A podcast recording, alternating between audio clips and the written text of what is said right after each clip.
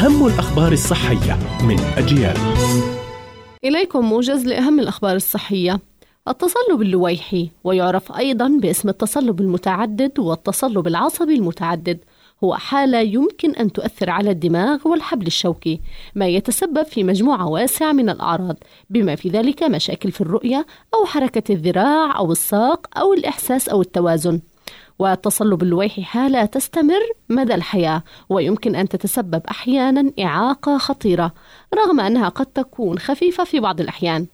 التوت البري يساعد في تحسين مرونة الشرايين ما يعني تعزيز الدورة الدموية وتدفق الدم ويزيل الضغط عن القلب ويمكن أن يساعد في خفض ضغط الدم ويمكن أن يؤدي التوت البري أيضا إلى تحسين الدورة الدموية وتعزيز الطاقة والوظيفة الإدراكية.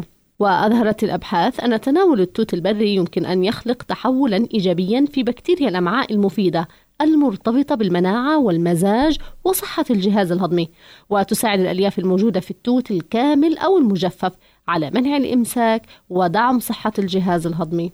الحمص الأخضر يساعد في تعزيز المناعة وذلك من خلال المساعدة في الوقاية من الجراثيم والبكتيريا المختلفة. كما أن حبوب الحمص الأخضر توفر مضادات الأكسدة التي تلعب دورا مهما في جهاز المناعة ويؤدي تناول حبوب الحمص الأخضر على تعزيز صحة العظام وخلايا الدم وعمل الأعصاب وذلك بسبب احتوائه على الحديد والمغنيسيوم.